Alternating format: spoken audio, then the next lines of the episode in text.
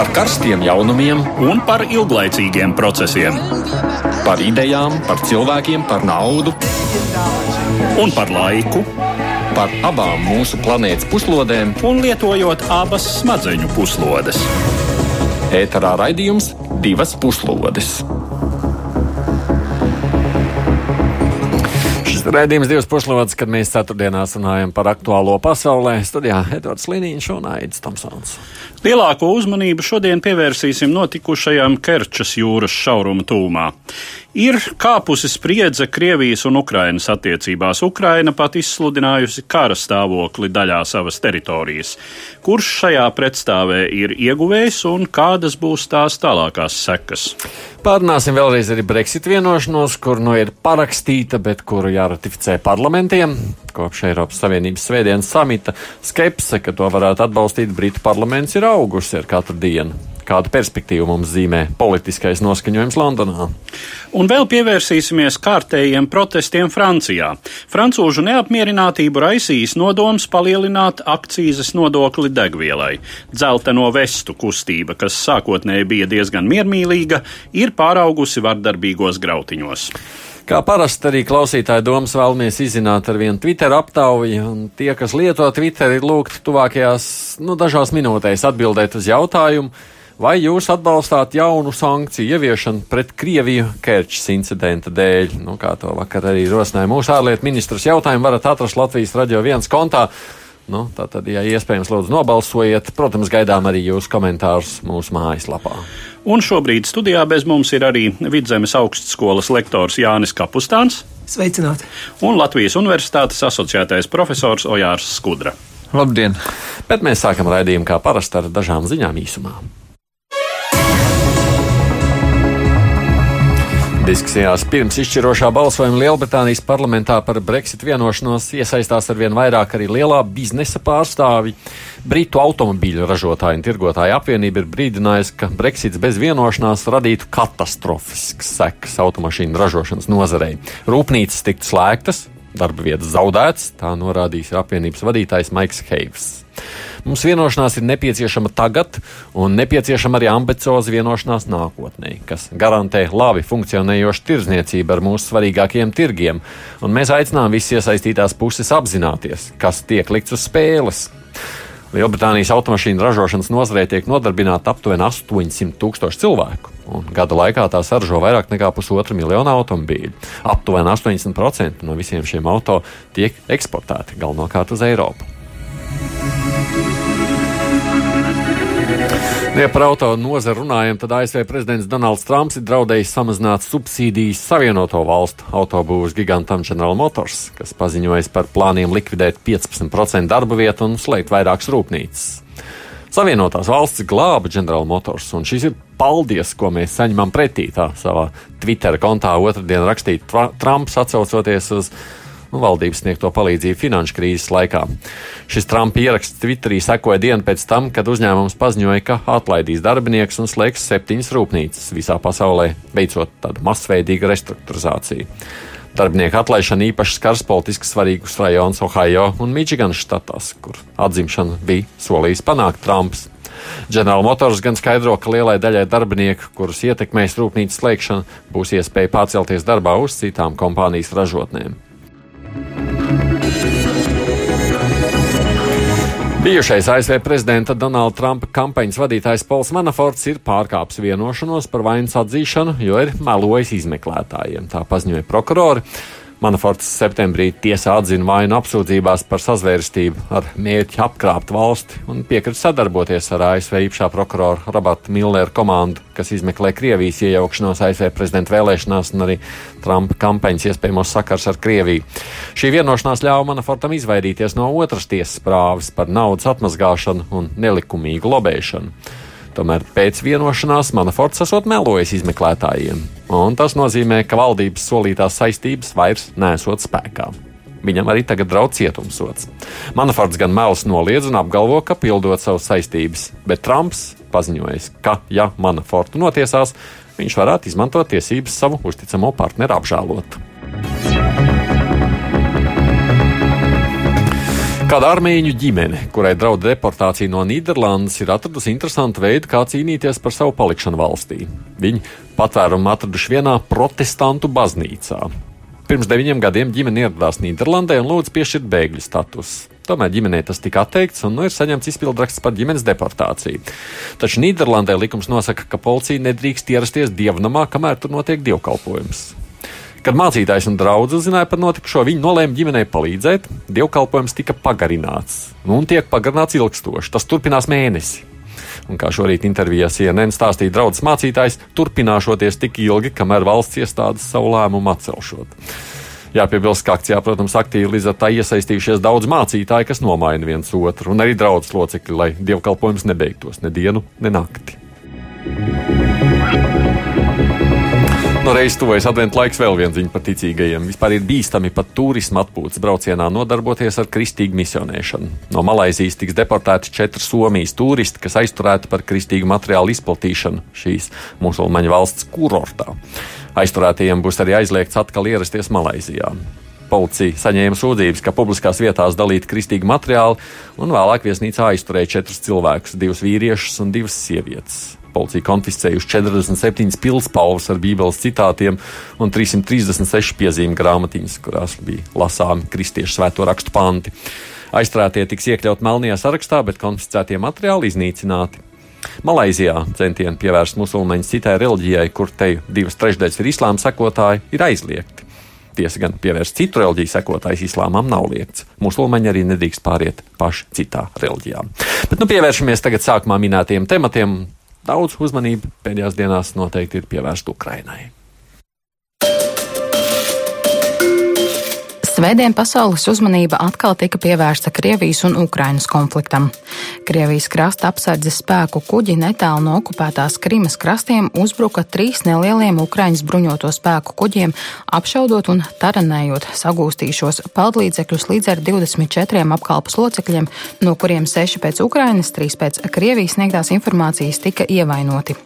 Spriežot pēc Ukrainas puses publicētajām kartēm, incidents noticis vai nu ārpus teritoriāliem ūdeņiem, vai arī ūdeņiem ūdeņos, kas piekrīt Krievijas okupētajai Krimas puselai, tātad no starptautisko tiesību viedokļa pieder Ukrainai. Ukrainas prezidenta Petro Porošenko reakcija bija ātra un strikta. Raksturojot incidentu kā Krievijas agresijas aktu un piesaucot kaimiņu valsts karaspēka koncentrēšanu Ukrainas pierobežā, prezidents parakstīja dekrētu par karastāvokļa ieviešanu, kuru Ukrainas augstākā rada pēc karstām debatēm apstiprināja pirmdienas vakarā. Karastāvoklis tiek ieviests uz 30 dienām, 10 apgabalos, kuri robežojas ar Krieviju, okupēto Krimas puselu un starptautiski neatzīto Piedņestras republiku, kur dislocēts Krievijas karaspēks. Krievijas prezidents Vladimirs Putins savukārt notikušo sauc par Ukrainas provokāciju, kas sarīkota, lai iespaidotu martā gaidāmās Ukrainas prezidenta vēlēšanas. ASV prezidents Donalds Trumps paudis nepatiku pret notiekošo un izteicies, ka apsver iespēju atcelt tikšanos ar Putinu G20 valstu samita laikā, kas rīt sāksies Argentīnas galvaspilsētā. Atgādini, tātad kopā mums ir Jānis Skudraņāns Kapstāns. Vispirms vispār, kāpēc Kerča šaurumā nu notika tas, kas notika. Kā jūs to skaidrojat, Skudraškungs? Grūti pateikt, kāpēc. Tāpēc, ka man nav nācies mēdījos atrast ziņu par to, kas deva pavēli par to kuģīšu došanos no Odesas uz uh, Azovas jūras ostu. Uh, Mariupoli. Tā tad, tā kā nav zināms, kas deva pavēli un kādā līmenī, nu, par cik tas draudēja acīm redzami ar, ar konfliktu starp Ukrainu un Krieviju, tad jādomā, ka tas tika saskaņots visaugstākajā līmenī. Nu, ja tu jautā, kāpēc, tātad situācija ir tāda, ka līdz nesenam laikam tātad reāli pastāvēja divu valstu robeža šai Kerčas jūras šaurumā. No vienas puses tā bija Krievija, no otras puses Ukraina, kurai tobrīd piederēja Krima. Attiecības tātad šaurumas šķērsošanas nosacījumus regulēja starpvalstu vienošanās, kas bija spēkā kopš laika, kad Ukraina ieguva savu neatkarību. Kā zināms, līdz tam Azovas jūra bija Padomju Savienības iekšēja jūra. Eh, pēc tam tātad tur parāda, parādījās valstu robeža, un šī vienošanās nav atcelta. Tā nav lausta vai kā citādi mainīta. Arī pēc tam, kad eh, Krievija okupēja Krimas pussalu. Teorētiski tā ir spēkā, kaut arī šobrīd tur vairs nav divu valstu robežas de facto. Teorētiski rietumi arī Krimu uzskata par Ukrainu. Jā, nu, nu tieši tā. Nu, tā jā, teorētiski tā tas arī ir, de, de jure tā tas ir. Eh, de facto tā tad ir pavisam cita situācija, lai gan viens Eh, Ukrainas kuģu konvojs pirms vairākiem mēnešiem cauri Kerčas šaurumam ir izgājis. Izgājis, jā, Skudras kungs jau ceļ roku. Jā, jā, es, es ceļu roku tā iemesla dēļ. Runa ir par 2003. gadā parakstīto vienošanos starp Krieviju un Ukrainu. Šī vienošanās neparedz robežu līnijas noteikšanu ne Kerčas šaurumā, ne Azovas jūrā. Uh, šī vienošanās apgalvo, ka Azovas jūra ir abu valstu teritoriālie ūdeņi. Bez robežas eh, noteikšanas. Vienošanā tādas robežas nav. Nu, bet tā, tā kā izklausās, ka var peldēt abi, kas grib, vai Ukraiņa vai Krievija. Jā, vai teorētiski, Prakti, jā. praktiski ir uzbūvēts tilts. Jā. Pavisam Turklāt. nesen, kas, eh, kas praktiski uh, dod iespēju šķērsot šo šaurumu vienā salīdzinoši šaurā, šaurā vietā, vietā zem šī tilta. Jā, nu tā tas ir, jā, kapšankungs. Es teiktu, ka šeit vēl būtu jāatzīmē vismaz divi aspekti no Ukraiņu puses motivācija, kāpēc viņi sūtīja šos kuģus. Pirmkārt, tas ir ekonomiskie faktori, jo viņiem ļoti tāda plaša tirzniecība iet, un pēdējā laikā tie kuģi diezgan pamatīgi tika apturēti, pārbaudīti. Bet nu šie bija kara kuģi, te nekāda tirzniecība nebija. Un otrkārt, protams, Kute, viņi kute, ir arī Ukraiņi ir arī solījuši, teiksim, Kijavas centrālā valdība, ka nepametīs, teiksim, Azovas reģionu, un te arī tīri militāri centīsies nostiprināt. Un tas šis bija tāds, nu, grūti pateikt, vai lietot vārdus kamikādas misija, jo tiešām ja mēdījos raksta Ukraiņu kara flote, nu, es to teiktu, ka viņi ļoti, ļoti simboliski divi pavisam nelieli kuterīši un viens alkons, stingri ņemot jau par īstu militāru, teiksim, floti, to nosaukt būtu grūti. Pat par flotīli. jā, un vēl mums jāatzīmē, ka faktiski arī Krievijas tā reakcija bija ļoti skarba, ļoti skarba, jo tā tad pirmā situācija ir, ka tas tankuģis aizsprosto zem tilta, un Ukrāņi jau ne, nemaz netiek, un faktiski Ukrāņi pagriežās apakaļ, lai peldētu atpakaļ. Un viens scenārijs jau varēja būt, nu, taču, ka tā Ukrāņu flotila atgrieztos atpakaļ, bet tās lielā spēka pielietošana jau notika pēc tam, kad Ukrāņi būtībā jau neizpildīja savu misiju, Tātad nu, viņi jau pagriezās apakaļ, un pēc tam jau bija šī taranēšana, apšaudīšana, kuģu un jūrnieku sagrābšana. Jā, bet nu, tagad es, es, es piekrītu, es no vienas puses sekoju tai, bet es domāju, daudziem tas interesē tieši, kāpēc notika tas, kas notika. Nu, proti, Ukraiņas zināja, ka tas tā varētu visticamāk beigties. Tas, ko Krieva apgalvo, nu, viņi saka, redz, Ukraiņa jau provocē, viņi taču zināja, ka mēs šādi reaģēsim. Nu, es pieļauju, ka varēja nojaust, jo eh, cik var spriest no tā, kas, eh, kas uh, ir parādījies presē līdz šim, tāda grūstīšanās, uh, savstarpējas, nu, teiksim, provokācijas un mm, spēka demonstrēšana, sevišķi no Krievijas puses, ir bijusi arī līdz šim. Uh, tur ir satuvināšanās starp šiem kara kuģiem, kas tai zonā atrodas, uh, pastiprināta Ukrainas civilo kuģu kontrolēšana, izkratīšana Jā. Eh, šai jūras šaurumā, aizkavējot, nelaižot, bet līdz šim nav bijuši tādi incidenti. Līdz šim Krievijas puse nav atklājusi uguni. Uh, nekad, kā tas ir šajā nu, gadījumā. Taisnība, jā, un bet... taisnība sakot, arī paklausoties, kas ir uzpeldējis, nu tā tad ir publiskotas šīs uh, savstarpējās militāristu sarunas. Uh, Ukrainas puse ir pārtvērusi, mm. ierakstījusi un izlikusi sociālajos tīklos. Nu, var pieņemt, ka, uh, ka tās ir īstas, ka, ka tas nav viltojums. Un ja, ja šīs, ja tas tā ir, nu tās ir interesantas. Proti, tāda viena detaļa, ka tajā brīdī, kad sadursme jau notiek, tad eh, tas eh, tātad jūras spēku virsnieks, kurš komandē no Krievijas puses konkrēti šos kuģus, eh, kas veids tātad šo sagrābšanas aizturēšanas operāciju, jautā savam krastā esošajam augstāk stāvošajam komandierim, kā bloķēt, bloķēt viņu pieeju tuvāk mūsu krastam vai bloķēt viņu atkāpšanās ceļu. Saņem pavēli bloķēt atkāpšanās ceļu, tad reakcija ir ojohaidī Tā neko. nu, jā, nē, nu, kas nozīmē, ka no vienas, nu, tā kā abas puses bija gatavas, ka kaut kas tāds notiks. Tā varētu secināt no tā visa. Mm, tas ir jājautā tam, kas deva pavēli. Mēs, diemžēl, Jā. nevaram pajautāt, jo nezinām, kas deva pavēli. Uh, Krievija šobrīd diezgan nu, aktīvi uztur no to savu retoriku, sakot, ka tā bija provokācija no Ukrainas puses. Kā uz šo uh, apgalvojumu mēs varam reaģēt? Es tātad no savas puses domāju, ka es jau arī pieminēju, ka varēja arī dažādi Krievijas puses rīkoties, un tātad viens viņi varēja laist Ukraiņu kuģus, otrs viņi varēja nelaist, bet eh, nelietot tādu spēku, ne? Un šis jau bija diezgan skarbs variants, un vēl skarbāks variants jau būtu bijis tikai, ka vispār kuģis nogremdēts, jā, jā. Nu, bet pēc tāda varianta tie- tiešām iespējams būtu reālas sankcijas, bet eh, Krievija izvēlējās šādu skarbu variantu, bet ar, iespējams arī ar domu, nu, ka pēc šāda varianta ļoti iespējams, ka tomēr tās sankcijas varētu arī nebūt. Nu, teiksim tā, uh, jā, no Krievijas puses tā nostāja, kā nu es to saprotu, ir apmēram tāda, ka gan Ukrainai, gan Rietumvalstīm ir jāsaprot, ka šai teritorijā, proti visā teritorijā ap Krīmu, nu tā tad Azovas jūrā, viss tagad ir citādi.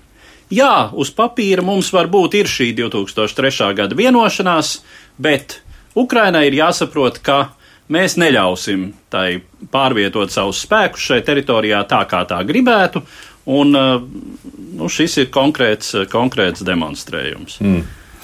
Jā, jā. Ja drīkst uh, piebilst vēl vienu tādu aspektu, uh, tā tad nak naktī pēc jau šīm sadursmēm. Spriežot pēc, pēc oficiālās informācijas, kas ir mm, kanclers Merkels mājaslapā un, un, un, uh, un Kremļa mājaslapā, tā tad Merkele ir zvanījusi, mm, nu, man grūti pateikt, kuram vispirms, nu, vispirms, acīm redzot, Putinam ir bijusi telefona saruna. Kremļa mājaslapā nav teikts nekas par, šī, par šīs sarunas saturu, toties Merkeles mājaslapā ir pateikts par, par šo sarunu. Tā tad, un tajā mājaslapā ir teikts lietots jēdziens, apzīmējot notikušo atgadījums, forfālu. Uh, Tā tad, uh, kas jau liek saprast, kāda ir Vācijas, uh, nu, vismaz daļai oficiālā pozīcija, jo ta- tas it kā netiek pierakstīts Merkelei, labi, viņas presa cilvēki, bet vienalga. Bet, bet galvenais, ka abos gadījumos puses, un otra lieta, Merkele ir pēc tam zvanījusi Porošenko. Uh, mm, vai arī Porošenko zvanījis viņai. Bet, var sakot, tāda telefona saruna ir notikusi uh, ar nelielu laika atstarpi, un, un abos gadījumos Merkele ir vienojusies gan ar Porošenko, gan ar Putinu palikt ciešā kontaktā saistībā ar lietu tālāko attīstību, un abos gadījumos Merkele ir iestājusies, nu tagad eh, pēc tā, kas publicēts Merkeles mājaslapā, par deeskalāciju un dialogu. Mm. Es gribētu teikt, ka jā. tās ir tāda diplomātiska frāze. Vācijas pozīcija principā ir diezgan vienkārša. Neļaut konfliktam tālāk attīstīties un apturēt līdzi, teiksim, jo faktiski jau bija riska, ka varētu attīstīties, bet vācu pozīcija, lai viņš apturās un nekas Nu, tālāk. šodien neviens Jā. negrib. Es pirms raidījuma arī sazināju Rīgas Tradiņu universitātes docētāju Mārtu Cepurīti, jautājot, kā viņš domā, kāda tā konflikta eskalācija varētu būt. Paklausīsimies ierakstu. Manā skatījumā šis konflikts nebūs uh, kā cēlonis uh, plašam karam starp Krievu, Krieviju un Ukrainu. Visas tās uh, neapmierinātības, kas starp abām valstīm pastāv, uh, tās kara veidā var izvest uh, tieši jau uh, Daņetskā un Luhanskā. Turklāt uh, uh, šajos reģionos Krievija ir daudz lielākas, lielāka elastība un lielāka aizsardzība, jo viņi var maskēties aiz tā saucamajiem separatistiem. Protams, kas rada zināmus riskus, ir tagad um, ieroču vadzināšana vai, vai publiskā retorika no Krievijas puses, piemēram, paziņojot par uh, pretirķešu sistēmu uh, papildus izvietošanu Krimā vai arī uh, uh, šo Krievijas armijas uh, tādu pietuvināšanu atkal uh, Ukrainas robežai. Bet tā, tā tikai tāda retorika, jūsuprāt. Es domāju, ka tā ir lielā mērā pašlaik retorika, uh, lai uh, arī piespiestu uh, uh, Ukrainu uh, atteikties no tādas varbūt radika radikālas rīcības un no tādiem uh, arī citiem soļiem uh, arī no sabiedroto puses. Gan viena, gan otrs puses runā par provokāciju, kur nu, norādot, protams, uz, uz pretējo pusi. Tur bija provokācija no kādas puses. Eh, ļoti, uh, protams, sarežģīti pateikt. Pirms tam jau, jau šī gada septembrī ir divi Ukrainas eh, kara kuģi jau šķērsojuši Kerču šaurumu. Uh, un attiecīgi iebraukuši no, Meln no Melnās jūras Azovas jūrā. Šajā laika posmā, tad, kad tas notika, pēc um, um, kaut kādam 22. septembrī vai kad, tad šos kuģus pavadīja uh, Krievijas krastapsardzes kuģi, bet netika, nenotika nekāda neaizturēšana, ne pārmeklēšana, nekas cits. Ukraiņi, var redzēt, uh, vadījās no tās situācijas, uh, ko viņi bija ņēmuši vērā arī, kas pastāvēja šajā septembra beigās. Vēl viens jautājums beigās stāsts savukārt no vakardienas ārlietu ministra sacītā ir par to, ka viņi cīnīsies, ja uzstās par sankciju papildu noteikšanu Krievijai. Ko jūs sakāt par šo? Sankcijas, laikam, tagad ir tas izplatītākais um, uh, instruments, uh, bet sankcijām ir, ir, ir viens diezgan nopietns ierobežojums, ir, ka tās ir vidēji vai ilgtermiņa.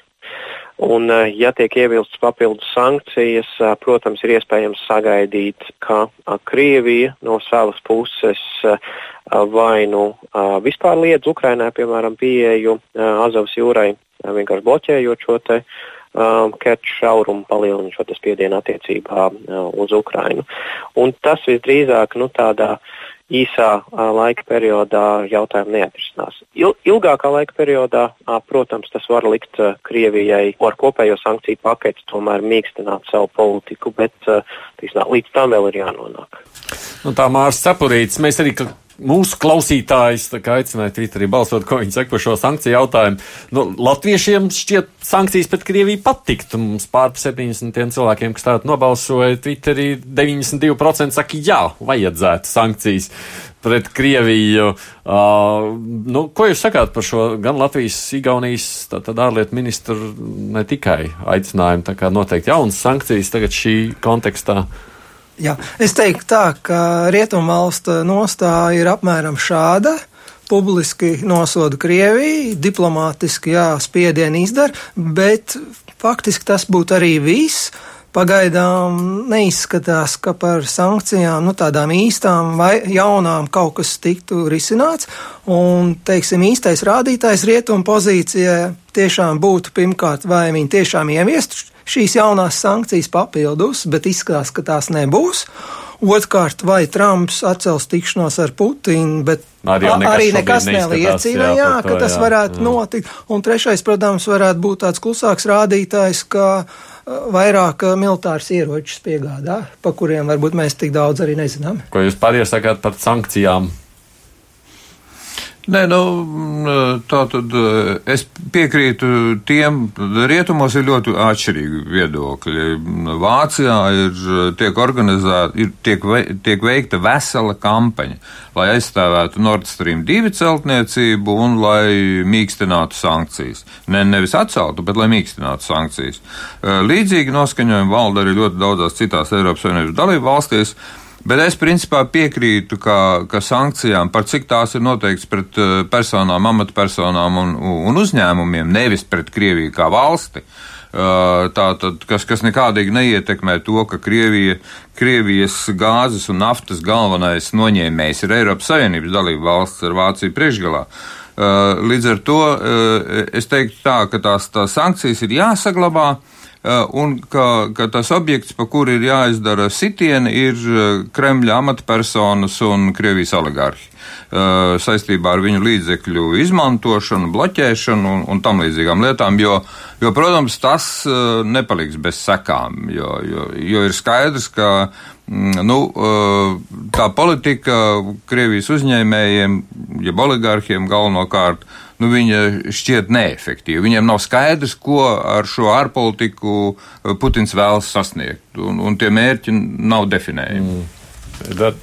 Nu, droši vien es varētu tikai piekrist šim viedoklim, ka jā, varētu varētu domāt par sankcijām, patiešām nu, tad jāskatās pret ko tās vēl varētu, kādas, kādas šobrīd, teiksim, ir sankcijas pret uh, federālā drošības dienesta pirmām kārtām amatpersonām, jo atgādināsim, Krievijas krasta apsardzes spēki, tā, tā ir robeža apsardze, tā tad pakļauti nevis armijai, bet uh, Krievijas federālajām drošības dienestam. Nu, šodien ziņa ir tā, ka nu, Merkel rīt, tā, tajā G20 sanāksmē grasās runāt ar prezidenta Putina sakot, ka viņa pieprasa brīvu pieeju Azovas jūrai, arī Ukrainas ostas pilsētai Mariupolē, nu sakot, ka viņa tam uh, uzmanību grasās rīt pievērst uh, no rītdienas sākot, bet nu, droši vien vienu lietu Ukraina ir izdarījuši, uzmanību viņa pievērsus. Viņa jau iepriekš tā kā nu, čīkstēja par to Azovas jūras situāciju, bet nu, tā neviens jau tur par to daudz skaļi nerunāja. Tagad beidzot visi zina. ka, nu, te, protams, tas, kas tiek teikts par Ukrainas prezidenta vēlēšanu tūlumu. Uh, tam ir sava nozīme nepārprotami, un Parašenko šajā situācijā bija jāparāda stingrība, bija jāparāda izlēmīgums. Politika arī savu daļu spēlē. Un te nu var, var vilkt paralēles ar nu jau veco, salīdzinoši seno uh, Krievijas-Grūzijas konfliktu. Jā. Um, divas piebildes, pavisam mazas. Parašenko popularitātes reitings ir 10%. Eh, un ir pilnīgi skaidrs, ka mm, nekas neliecina par to, ka viņš atkārtot varētu nākamgad martā tikt ievēlēts par Ukrainas prezidentu. Tas pirmkārt, un otrkārt, šodien notiek Vācijas-Ukrainas ekonomikas fórums, trešais jau pēc kārtas, kurā piedalās arī eh, Ukrainas premjerministrs un Angela Merkele.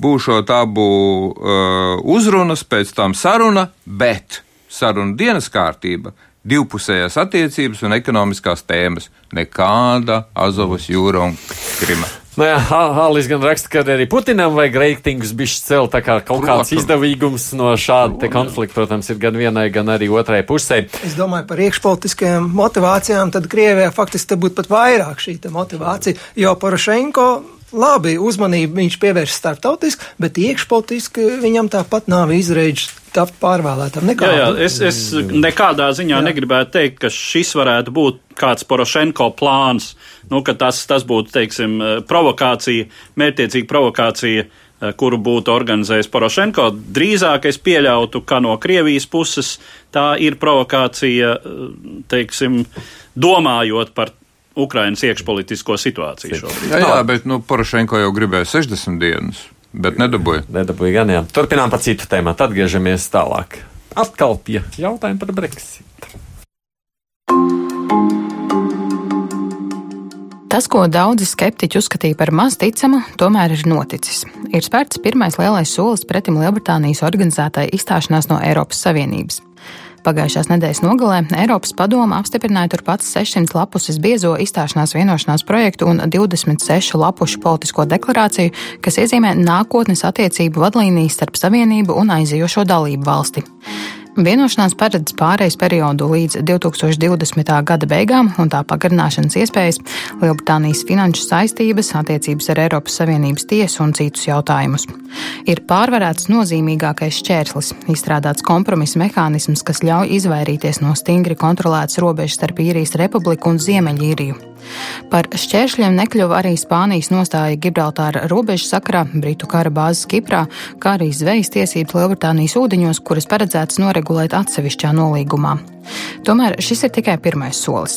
Tagad Terēzē Mejai jāpanāk pozitīvs balsojums Lielbritānijas parlamentā, un tas var izrādīties nepaveicams uzdevums. Daudziem Lielbritānijā šķiet, ka vienošanās uz pārāk ilgu laiku saglabā pārāk ciešas saistības ar Savienību, liedzot baudīt labumus, uz kuriem bija cerēts balsojot par izstāšanos. Ziemeļīrijas robežas regulējums de facto Britiem nozīmē vēl uz ilgāku vai īsāku laiku palikšanu muitas unijā ar Eiropas Savienību, bet Ziemeļīrijai īpašas muitas attiecības ar Savienību arī vēlāk. Tātad zināmu atšķirību no pārējās Lielbritānijas. 11. decembrī paredzētais parlamenta balsojums var izrādīties liktenīgs ne tikai Terēzes Meijas pūliņu rezultātā panāktajam nolīgumam, bet arī viņas valdībai. Tikmēr Eiropas Savienības galvenais sarunvedis, prominentais franču politiķis Mišels Barņē, steidzas plūgt uzvaras laurus. Izskan viedokļi, ka šis panākums varētu bruģēt viņam ceļu uz nākamā Eiropas komisijas prezidenta posteni. Divas puslodes. Atgādini šeit studijā mums ir starptautisko attiecību eksperts Vidzemes augstskolas lektors Jānis Kapstāns, Latvijas universitātes asociētais profesors Ejārs Skudra, protams, arī mēs ar Eduardu Liniņu. Vispirms jūs prognozes, kāds tad būs balsojums 11. decembrī, Jāni? Es domāju, ka mēs šodien to nevaram pateikt. Protams, BBC, 50, 50. BBC gan norāda, ka pašlaik nav izreidži tikt apstiprinātam, Jā. bet es vēl tomēr vēl nenorakstītu izgāšanu. Nu, es vēl pagaidītu, jo tiešām tagad mēģi diezgan liela kampaņa izvērš, un faktiski tā galvenā doma ļoti vienkārši. Jā, varbūt tā vienošanās nav Britiem, varbūt izdevīgi, viņi gribētu, protams, sev daudz izdevīgāku, bet otra alternatīva ir, ja nav vienošanās vispār vispār un izstājās bez, nu tad faktiski ir daudz sliktākas sekas. Nu, parādās daudz to Protams, ir, ir vēl citi ne? varianti, bet tiem jau pretējā puse nepiekritīs. Piemēram, Britiem piedāvā 21 dienu laikā jaunu vienošanos, bet gan Junkers, gan Merkeli pateikuši nē.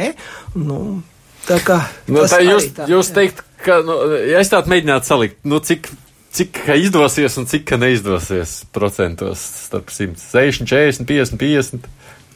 Nu, tā būtu jau tiešām ļoti konkrēta prognozēšana. Es negribētu tik precīzes procentus likt.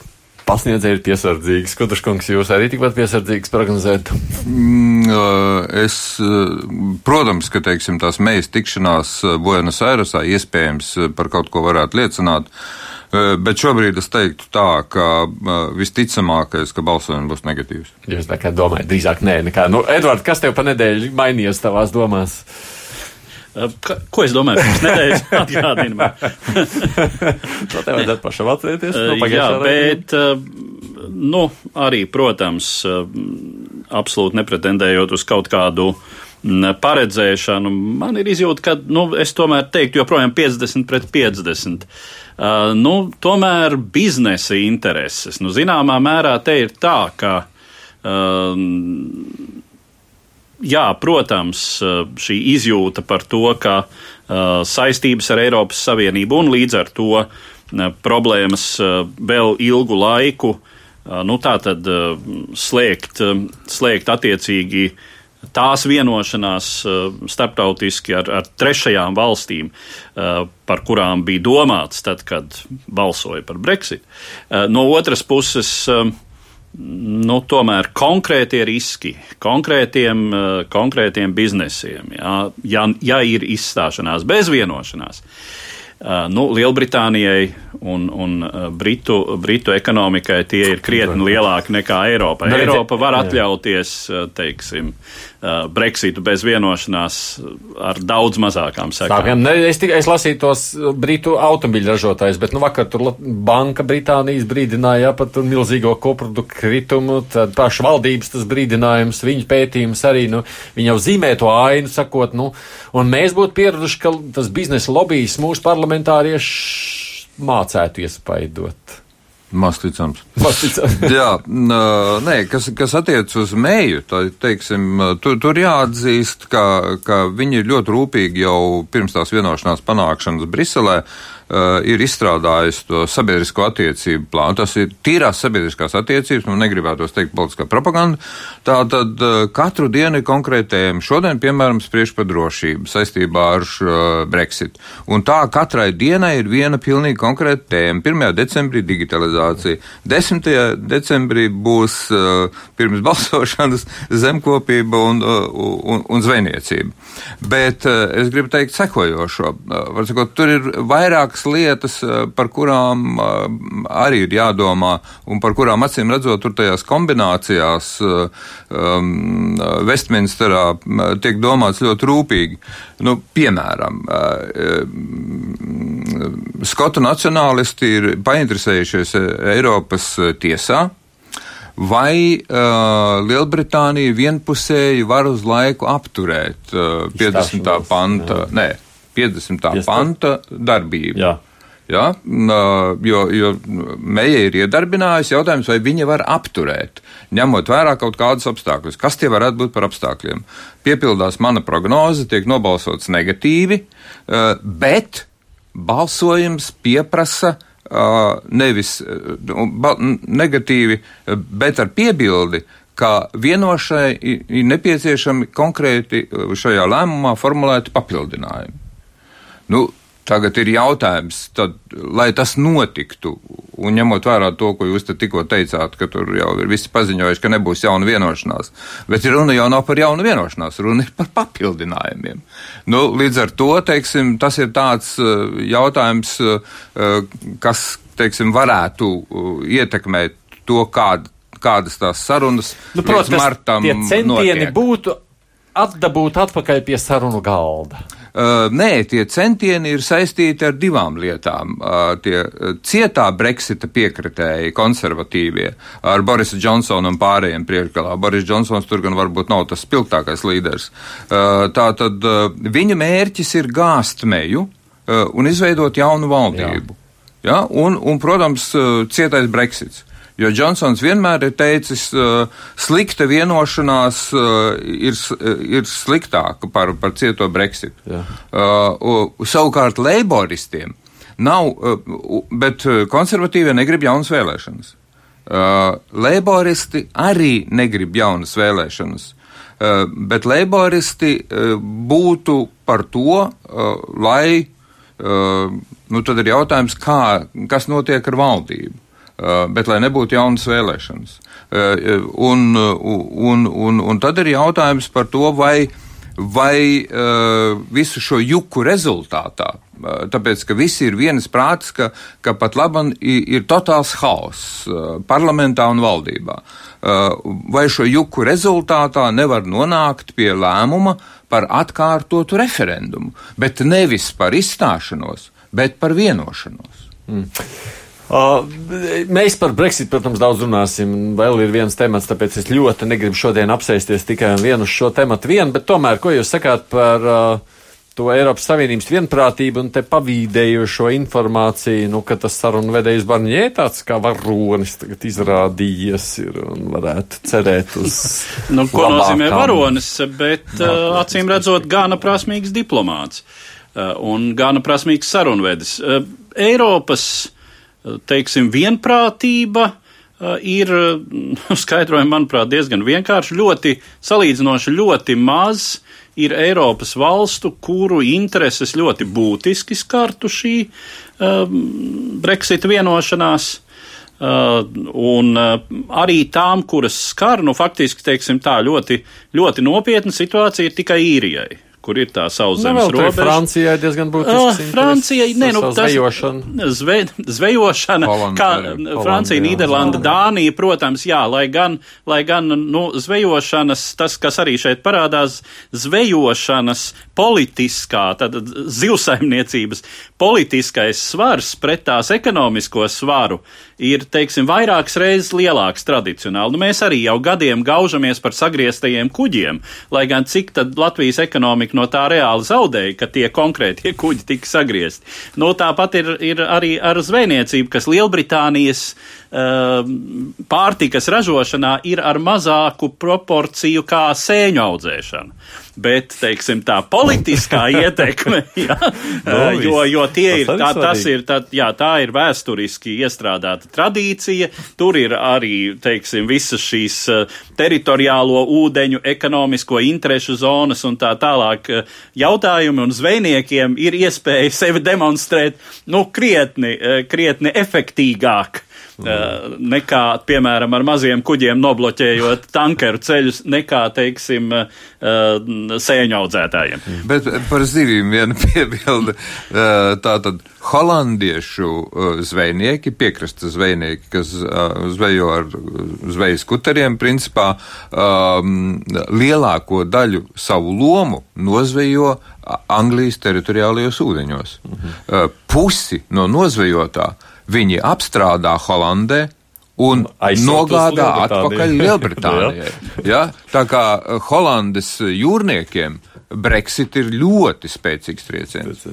Un, ja mēs turpinām šo jūras tēmu, tad uh, no Lielbritānijas puses tieši Skoti diezgan ir neapmierināti, un mm. viņi šeit atkal gribētu ierobežot Eiropas Savienības, teiksim, zvejnieku intereses Lielbritānijas ūdeņos. Tā ka šeit ir daudz un dažādas intereses. No, skatos uz pulksteni, un vēl viens temats, runājot par Eiropu, ir mums šodien mūsu uzmanības lokā, tas ir notiekošais Francijā, tāpēc turpinām ar ierakstu. Tā saucamo dzelteno vestu protesta kustība Francijā uzliesmoja 17. novembrī, kad nepilni 300 tūkstoši cilvēku tērpušos luminiscējošās signālvestēs bloķēja ielas un ceļus visā valstī. Tiešais iemesls ir nodokļa palielinājums degvielai, kam paredzēts stāties spēkā ar nākamo gadu un sevišķi jūtams kārt iedzīvotājs provincē, kur privātais auto ir galvenais pārvietošanās līdzeklis. Protesti pēc visas spriežot izvērtušies spontāni, sekojot aicinājumiem sociālajos tīklos. Pagājušajā sestdienā nākamajā protestu kampaņā dalībnieku skaits bija sarucis līdz apmēram 100 tūkstošiem, taču tie kļuva vardarbīgāki. Elzēs laukos Parīzē slinoties liesmojošām barikādēm un protestētājiem iesaistoties sadursmēs ar policiju. Komentētāji pauž viedokli, ka dzelteno vestu kustību motivē nevien konkrētais degvielas cenas kāpums, bet arī attieksme pret prezidentu Emanuelu Makronu, kurš daļas sabiedrības acīs ir bagātnieku un biznesmeņu prezidents, kam nerūp masturīgo un laucinieku liktenis. Drīkst es sākšu tādu skeptisku repliku savukārt, ja mums būs iespēja man apgāst. Man šķiet, ka nav bijis tādas valdības, kurā francūži tā skaļi un pamatīgi neprotestētu. Vispār ir vērts viņiem pievērst uzmanību viņu protestiem vairs nu, teiksim, jebkurā Francijas valdība ir spiesta pievērst uzmanību, bet eh, jums taisnība tādā ziņā, ka tiešām, ja mēs paskatāmies vismaz kādus pēdējos trīs, četrus prezidentus, tad faktiski visiem ir bijuši jāsaskarās ar diezgan lieliem protestiem, un te ir jautājums, eh, vai, teiksim, valdība, prezidents spēj šīs te pārmaiņas turpināt, vai diezgan ātri piekāpjas protestētājiem. Par to ir tas stāsts. Viņam tāds sports, viņa ievēl prezidentu, kurš viņam tā kā tajā brīdī laikam patīk, ja viņu ievēl. Patīk un sasola arī kaut kādas lietas. Jā, bet viņš gan nestāsta par tām reformām neko tad, kad notiek vēlēšanas. Makrons jau tā kā stāstīja. Nestāstīja neko, ne? Nu, ne. Katrā ziņā ne par degvielas akcijas. Nu, par Jā, degvielas akcijas varbūt nestāstīja. Nu, labi, un tā, kāpēc tieši tas degvielas akcijas nodoklis ir bijis tik sāpīgs? Nu, tā, nu, tas palielinājums ir diezgan būtisks, šķiet par 12 centiem litrā, ja mēs tā uh, padomātu arī par Latviju. Uh, par Latviju jā, tad nu, tā, tā cena nu, jau ir sastatāma uh, degvielai Latvijā un Francijā, un, un tas pieaugums ir pietiekami būtisks. Uh, vēl jau vairāk tā tad uh, tieši lauciniekiem, provinces iedzīvotājiem, kuri daudz lieto savas privātās mašīnas, kuru ienākumu līmenis savukārt arī proporcionāli ir zemāks nekā pilsētā. Un es domāju, te tiešām ir tas, ka taja, tieši šajā momentā tika saskatīta um, Makrona. Nu, teiksim, Mak Makrona uh, politiskā tēla šis ahilēja papēdis, tātad pārāk orientēšanās uz eliti, Uh, un uh, nevis uz vienkāršo tautu. Un, uh, nu, kā zināms, pēdējā laikā rietumu pasaulē vispār populārāki ir tautas prezidenti, nevis elites, birokrātu, biznesmeņu prezidenti. Bet, ja mēs no tāda politiskas, analītiskas viedokļa skatīsimies, Makrons izdarīsi kļūdu, Um, tā tad eh, es redzēju ļoti plašu Makrona interviju, kurā viņš skaidroja savu Francijas modernizācijas un reformēšanas stratēģiju savam visam pilnvaru periodam. Nu, tā programma ir iespaidīga uh, un, un vērsta uz Francijas konkurētspējas palielināšanu, uh, teikšu, pretēji mm, politiskajam korektumam gan Eiropas Savienības iekšējā tirgu, gan arī starptautiski. Uh, par to liecina kas? Par to liecina, piemēram, tas, ka Vācijā, kā mēs zinām, atomelektrijas, at, atomelektrostacijas neražo elektrību, Mm, tā tad Merkele tā, to lēmumu pieņēma, arī bija daudz ļoti neapmierināti, un tagad ir jautājums par brūnoglēm un tā tālāk, un tie cīnītāji un dabas aizstāvi tur cīnās. Bet Makrons vēl, tas viens tikai piemērs, ja, Makrons vēlas slēgt visas ar oglēm darbināmās termoelektrocentrālas līdz 2022. gadam pilnīgi visas. Skaitu es nezinu, tas neparādījās, bet no 58 kodola reaktoriem, kas ir acīm redzot saistīti galvenokārt ar elektroenerģijas ražošanu, līdz 35. gadam viņš vēlas slēgt 14. Nu, tas nozīmē maiņas energo tirgu. Tas tagad neatiec uz benzīna cenu un benzīnu. Es teikšu tā, ka Makrons ir izdarījis minimālu piekāpšanos, jau paspējis tiem, tiem cīnītājiem, bet nu, absolūti minimāli tā viņus neapmierina. Un 3. decembrī arotbiedrības aicina uz streiku. Ja pareizi sakot, viena no arotbiedrību organizācijām aicina uz streiku. Es teikšu tā, ja šis streiks izrādīsies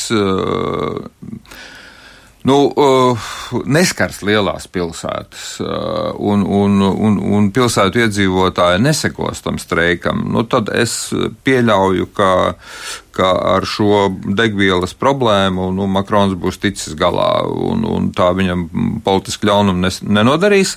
Ja tas streiks būs vērienīgs, Nu, tad, protams, Makronam draud ļoti liels nepatikšanas uh, nākamā gada maija Eiroparlamenta vēlēšanās bet Makrona mērķis ir ar savu frakciju ieiet Eiropas parlamentā, nu ne personīgi, bet, bet viņa politiskās kustības frakcija Eiropas parlamentā un mēģināt ap to veidot jaunu frakciju konkurējot gan ar sociāldemokrātiem un demokrātiem, gan ar Eiropas Tautas partiju. Jā, jūsuprāt, šai dzelteno vestu kustībai būs kāda tāda būtiskāka tālāk ietekme vai nē?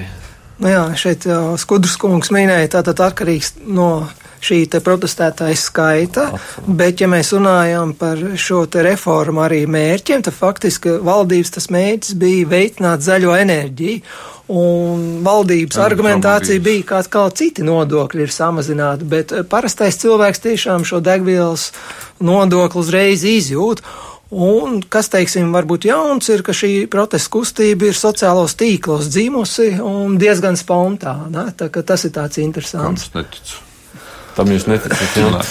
Ko tu saki? Bet šeit vismaz neparādās kāda viena, teiksim, politiska partija vai, nu, vai kāds uh, biznesa spēlēs, nu, kaut kāds uzreiz, kur mēs tieši varam identificēt. Nu, teiksim, vismaz mēs pagaidām nezinām. Galēji labēji it kā esot, bet pieslēgušies arī dzen vēlāk.